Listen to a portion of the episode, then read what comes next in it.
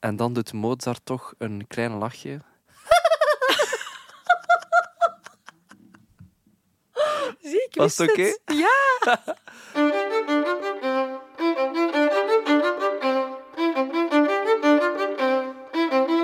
Dag Sander. Dag Clara. En zeg proficiat. Waarom? Ja, het is onze tiende aflevering vandaag. Oh, Goed, hè? feestje. Ja, time flies when you're having fun. Ja, is er eh, dan ook feestmuziek? Eh, helaas, ik vrees zelfs dat het het triestigste stuk is dat we tot nog toe hebben besproken. Spelbreker. Kijk, het leven is geen ponykamp en het leven bestaat niet alleen uit walsen van Johann Strauss. Dus ik heb vandaag gekozen voor een van de grootste mysteries uit de klassieke muziek, het Requiem van Mozart.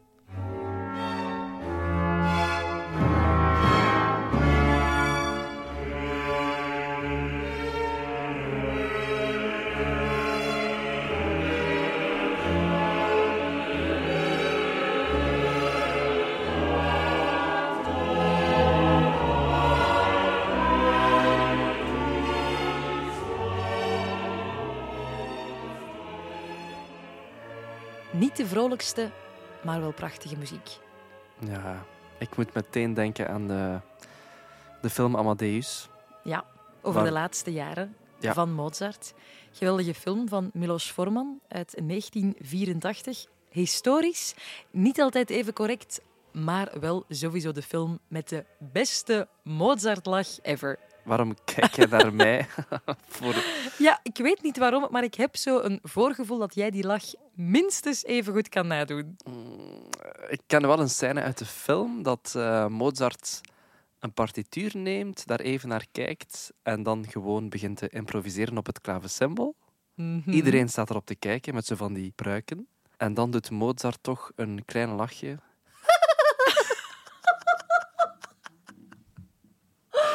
Ik Was het Ja, Eh, mensen die het niet kennen, eh, misschien, is naar er de een, film. Ja, misschien is er een vergelijking eh, ja mogelijk. kijk naar de film, maar luister vooral eerst verder naar deze aflevering over het Requiem van Mozart. Clara, iedereen kent Mozart, maar toch, ik geef jou 30 seconden. Wie was Wolfgang Amadeus Mozart? Go. Wolfgang Amadeus Mozart, of Wolfie voor de vrienden, werd geboren op 27 januari 1756 en hij was echt de definitie van een wonderkind. Op zijn derde speelde hij al piano, op zijn vierde begon hij met viool en op zijn vijfde schreef hij zijn eerste muziekstuk. Hij kwam dan ook uit een hele muzikale familie. Hij kreeg les van zijn vader, die violist was. Zijn vijf jaar oudere zus, Nannerl, die was al even getalenteerd en met hun drietjes trokken ze door heel Europa langs alle hoven om daar concerten te geven. Maar hij schreef ook zelf muziek. Ja, dat weten we. Sorry. dat hij zelf muziek. Ja, dat deed hij in opdracht, heel lang, Ja. van een eh, prins, aartsbisschop in Salzburg. Maar dat was hij op een gegeven moment zo kotsbeu dat hij besloot om naar Wenen te verhuizen. Mhm. En daar werd hij een van de allereerste freelancers ooit. Dus in, in, in Salzburg, zijn geboortestad, schreef hij voornamelijk kerkmuziek. Voor de kerk, ja. Maar dat was hij een beetje beu. ja. En dan is hij naar Wenen vertrokken. Pure vrijheid in Wenen. Ja, pure vrijheid toch tot eh, eh, 1791, want toen is hij gestorven. Veel te vroeg, hè? Hij was 31, Sander. Jij bent hoe oud? Ah, wow. Ik ben Mozart. In leeftijd, Ja. 31. ik ben niet Mozart qua talent, maar wel in leeftijd 31. Wow. Maar hij heeft wel muziek geschreven voor twee mensenlevens. En hij leefde een half mensenleven. Ja, is veel te jong gestorven, maar hij heeft wel zoveel geweldige muziek geschreven. En ik denk ook dat echt iedereen iets van Mozart kent. En om dat te bewijzen heb ik een kleine medley gemaakt.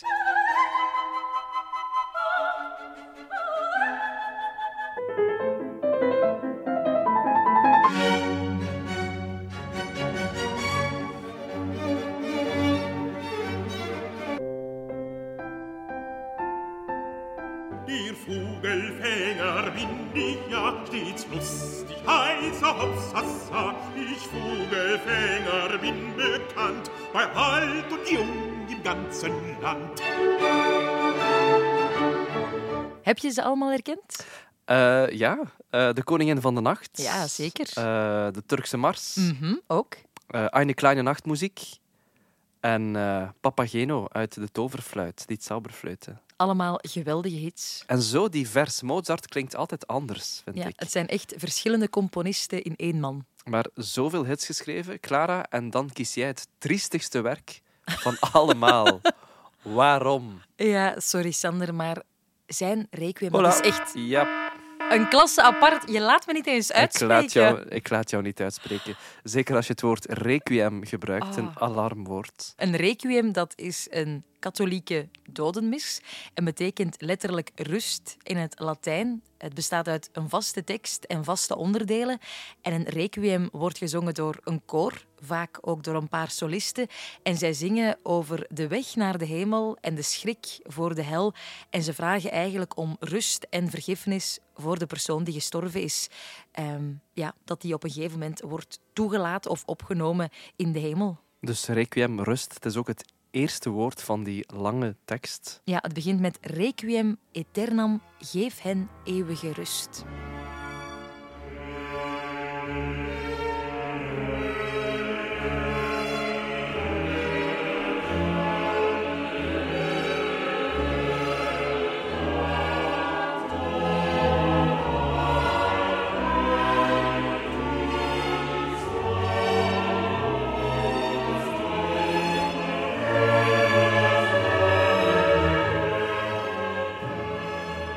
Is ook mooi hoe al die stemmen later inzetten.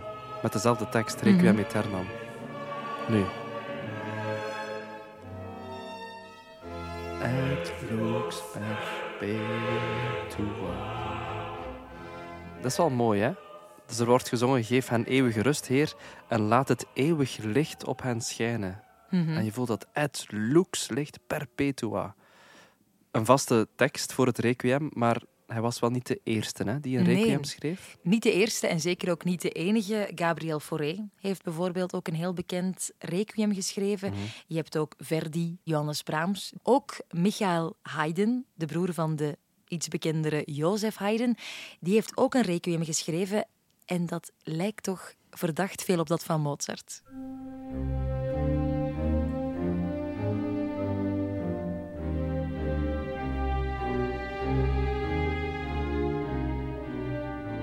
Dus zo begint het requiem van Michael Haydn Amai. en zo begint het requiem van Mozart.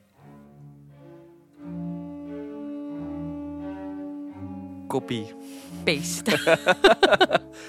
Exact twintig jaar eerder schreef Michael Haydn zijn requiem. En ja, nu bekijken wij dat als copy-paste. Hij heeft dat gepikt. Zelfs Chopin, Frederik Chopin, die heeft ooit een pianowerk gemaakt. Variaties op een aria van Mozart. Dus Ja. iedereen deed het. Ja, componisten die deden dat gewoon geregeld. En dat was dus niet om te pikken, maar wel om een soort van ja, eerbetoon te brengen. Maar het mooiste requiem is misschien toch wel... Dat van Mozart. Yes. Ik ben blij dat je het zegt, Sander. Sowieso, Sander, ook het meest interessante, want er hangen zoveel mysteries rond. Wow, Zoveel- meervoud. Ja, Meervoud. zeker. Mysteries. Meervoud, mysteries. Zoveel verhalen rond. Alleen al dat, daar kan je boeken over schrijven. Dat is ook al gebeurd. Echt, uh, who done it? Want wie heeft het Requiem van Mozart geschreven? Dat alleen al is zo'n gigantisch mysterie. Want Mozart heeft zijn Requiem nooit afgewerkt. Slecht in deadlines, een beetje Sander de Keren. Goed geprobeerd. Eh, nee, Mozart was gewoon doodziek. Hij heeft het requiem op zijn eigen sterfbed geschreven. En zonder dat hij het wist, was hij gewoon zijn eigen dodemis aan het schrijven. Dus tijdens het componeren is hij gewoon gestorven.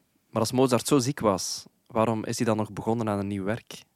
Ja, dat was eigenlijk ook niet zijn plan. Want hij was volop bezig met nog een opera, La Clemenza di Tito, ook een van zijn grote hits. Maar plots stond er een anonieme opdrachtgever voor zijn deur die wou dat Mozart een requiem voor hem zou schrijven. En Mozart was heel ziek, hij had geen tijd en hij heeft het toch gedaan, of hij is er toch aan begonnen, omdat hij gewoon geld nodig had. Hij zat in zware zware schulden, omdat Mozart nogal uh, ja, een dure levensstijl had. Mhm.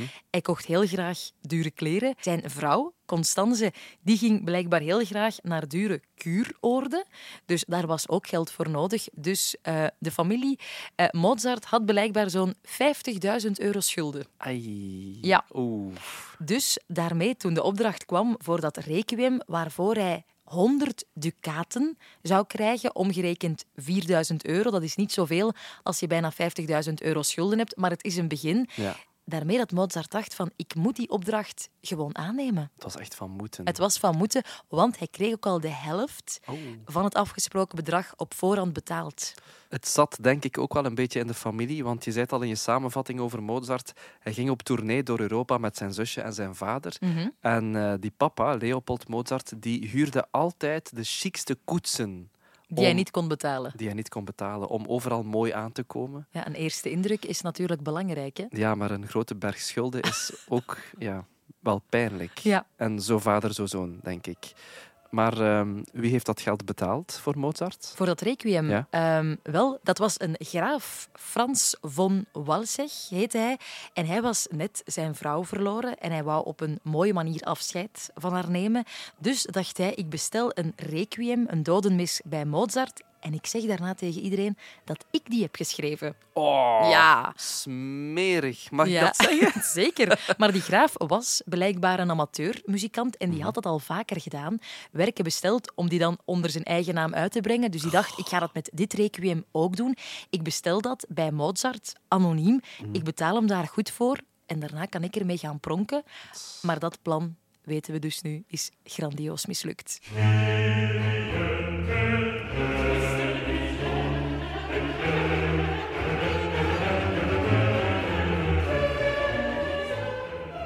Dit is het tweede deel, Kyrie eleison. Eh, Heer, ontferm u over ons, wees ons genadig, draag zorg voor ons als we sterven.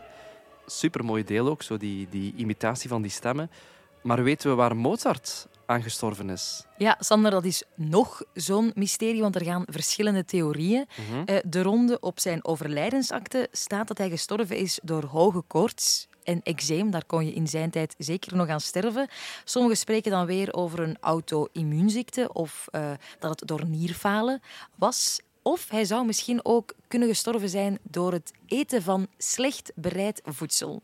Dat is ook een optie. Een voedselvergiftiging. Ja, een voedselvergiftiging. Ik ga niet te veel in detail treden, want jij bent vegetariër. Mhm. Eh, Mozart niet, eh, want die at heel graag varkensvlees. Alleen was dat vlees niet altijd even goed gebakken Ai. of doorbakken, waardoor hij misschien lintwormen Oeh. zou gekregen hebben. Kijk, dus eigenlijk een heel goede reden om vegetariër te worden.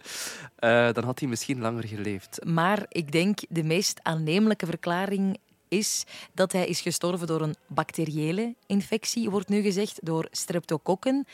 Dus ik ga ervan uit dat Mozart daaraan gestorven is. Of misschien is hij, zoals in de film Amadeus, gewoon vergiftigd. Door zijn rivaal Antonio Salieri. Kan Ja. ook, hè?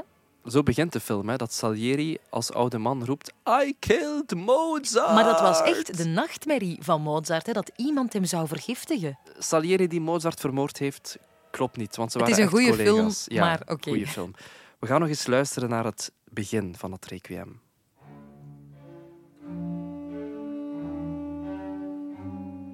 Meteen al voor die eerste maten. Je hoort daar zo'n bijzonder instrument in. Het lijkt bijna... Een saxofoon. Ja, maar Ja, ik denk dat er toen nog geen saxofoon bestond. Hè? Nee, het is een bassethoorn.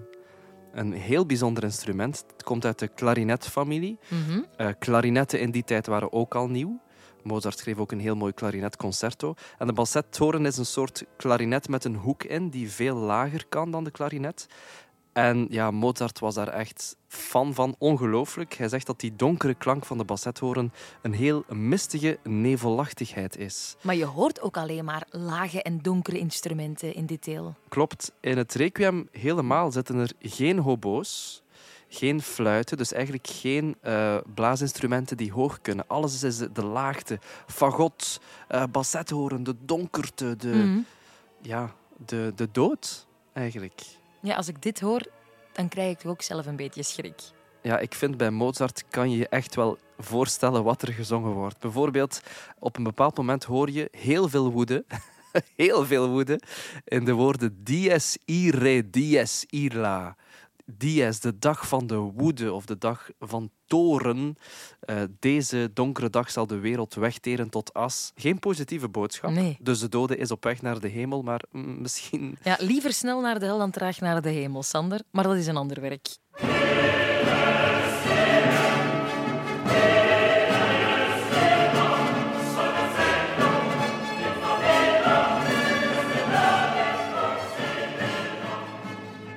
Ja, Ja, dat is wat anders dan bazaar. Amai. Het is eh, veel bazaar in de hel hier. Ja, het rommelt daar. Quantus tremor est futurus. Wat een siddering zal er zijn wanneer de rechter zal komen om alles nauwgezet te onderzoeken. Maar ik begin er zelf al van te sidderen.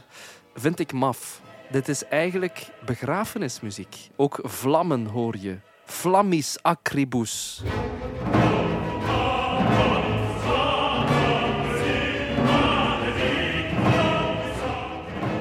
Dit is echt vurige muziek.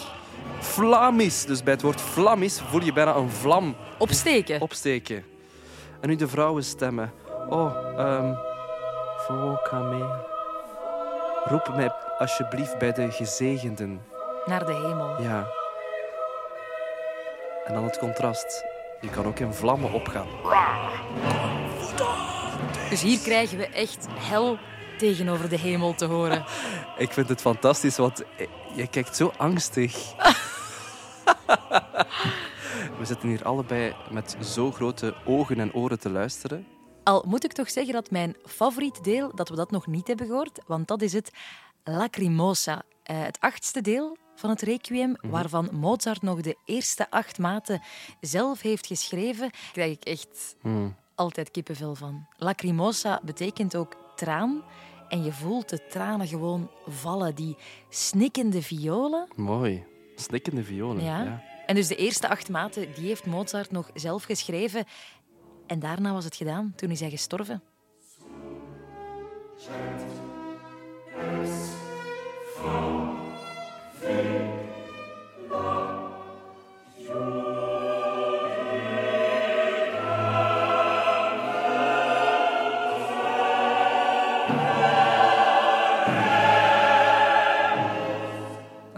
In dit geval heeft er toch iemand de opdracht op zich genomen, of de taak op zich genomen, om het werk af te maken.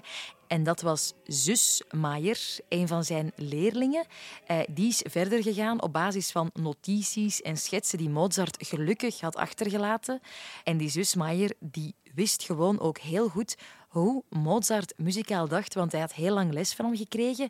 Dus hij was wel echt een geknipte persoon. Er was blijkbaar ook iemand anders die het eerst had geprobeerd. Een zekere Eibler. Maar na twee maanden heeft hij de partituur teruggegeven aan eh, Constanze, aan de vrouw. En die zei van sorry.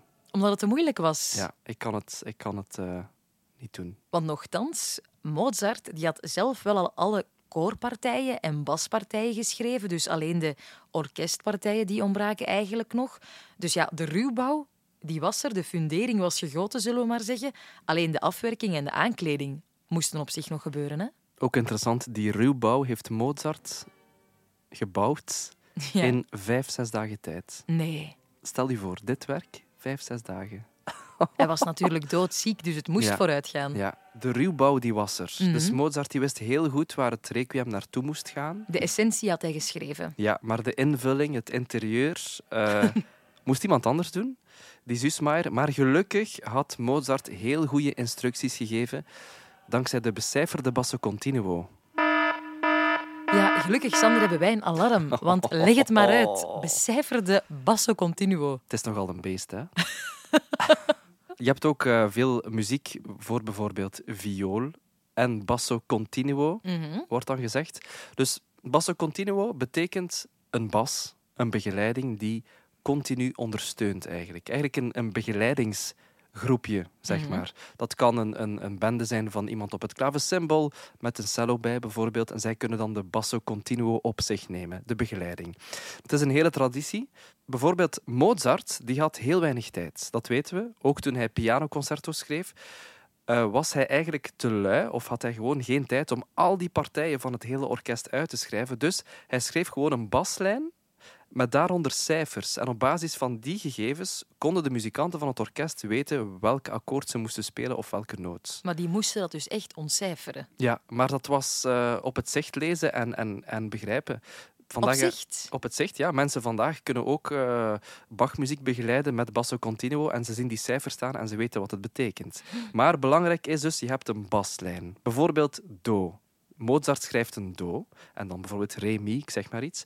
En onder die do staan er cijfers, want het is een becijferde basso continuo. Zover zijn we? Ik ben mee voorlopig. Bijvoorbeeld onder die do staat 5 en daaronder een 3.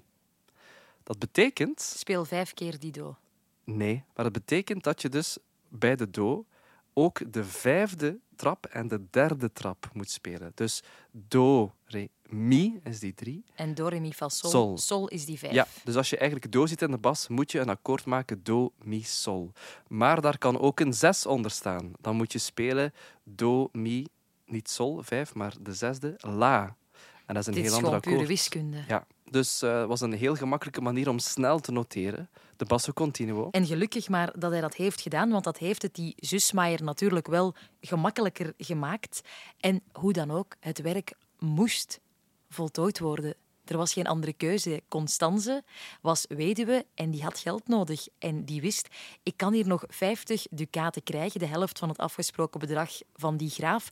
Maar eerst moet het requiem natuurlijk wel worden voltooid. En daarmee dat die zusmaaier gewoon meteen werd ingeschakeld. Wel in het geheim natuurlijk, want die Ah, graaf ja. die moest wel denken dat Mozart het helemaal had geschreven. Hè? Om dan te zeggen, het is toch van mij, Ja. zo gezegd.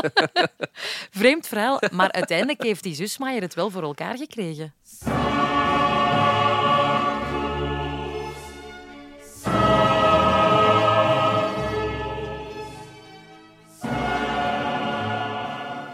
Je krijgt van mij nog 30 seconden. Geef mij een korte samenvatting over het requiem van Mozart. En je weet het, liever snel naar de hel dan traag naar de hemel. Het Requiem van Mozart. Het is een dode mis. De eerste woorden zijn Requiem aeternam. Eeuwige rust wordt de dode geschonken in die muziek. Eh, Mozart die lag zelf op zijn sterfbed. Hij wou de opdracht eigenlijk niet doen, maar het geld kwam van pas. Het was een anonieme opdrachtgever. Nu weten we dat het een graaf was die de muziek voor zijn eigen muziek wou uitgeven voor de dood van zijn vrouw.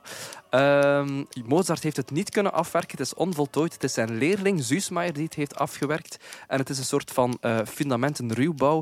En de leerling die dan het interieur maakte van dit requiem. Mooi! De binnenhuisarchitect De eigenlijk een beetje. binnenhuisarchitect. Goed samengevat. Voor onze tiende aflevering begin ik het toch een beetje te kunnen. Hè? Het werd tijd. Jij kon het al vanaf aflevering 1. Nee, dat is niet waar. Maar kijk, het is toch een mooie aflevering geworden, vind ik. Ja. Om ons jubileum te vieren. Onze jubilee. Onze jubilee. Clara, volgende week. ja, iets vrolijkere muziek, hoop ik. Dan is het terug jouw beurt. Muziek waar ik heel vrolijk van word.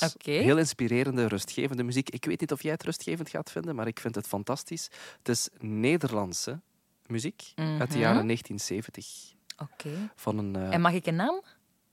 Simeon ten Holt. Oké. Ja, een van jouw favoriete componisten. Een van mijn helden. Dat is eigenlijk een beetje een cadeautje dat je aan jezelf doet. Het is jou gegund. En ik heb ook nog een cadeautje, namelijk een uitvoering die iedereen toch zeker eens moet beluisteren van het Requiem van Mozart. En als ik één uitvoering mag aanraden, dan zou ik die toch van eh, René Jacobs kiezen, een dirigent van bij ons. En het is een opname van het Freiburger Barokorkester en het Rias Kammerkoor. Mooi cadeautje. Dankjewel, Clara. Tot volgende keer. Tot volgende keer.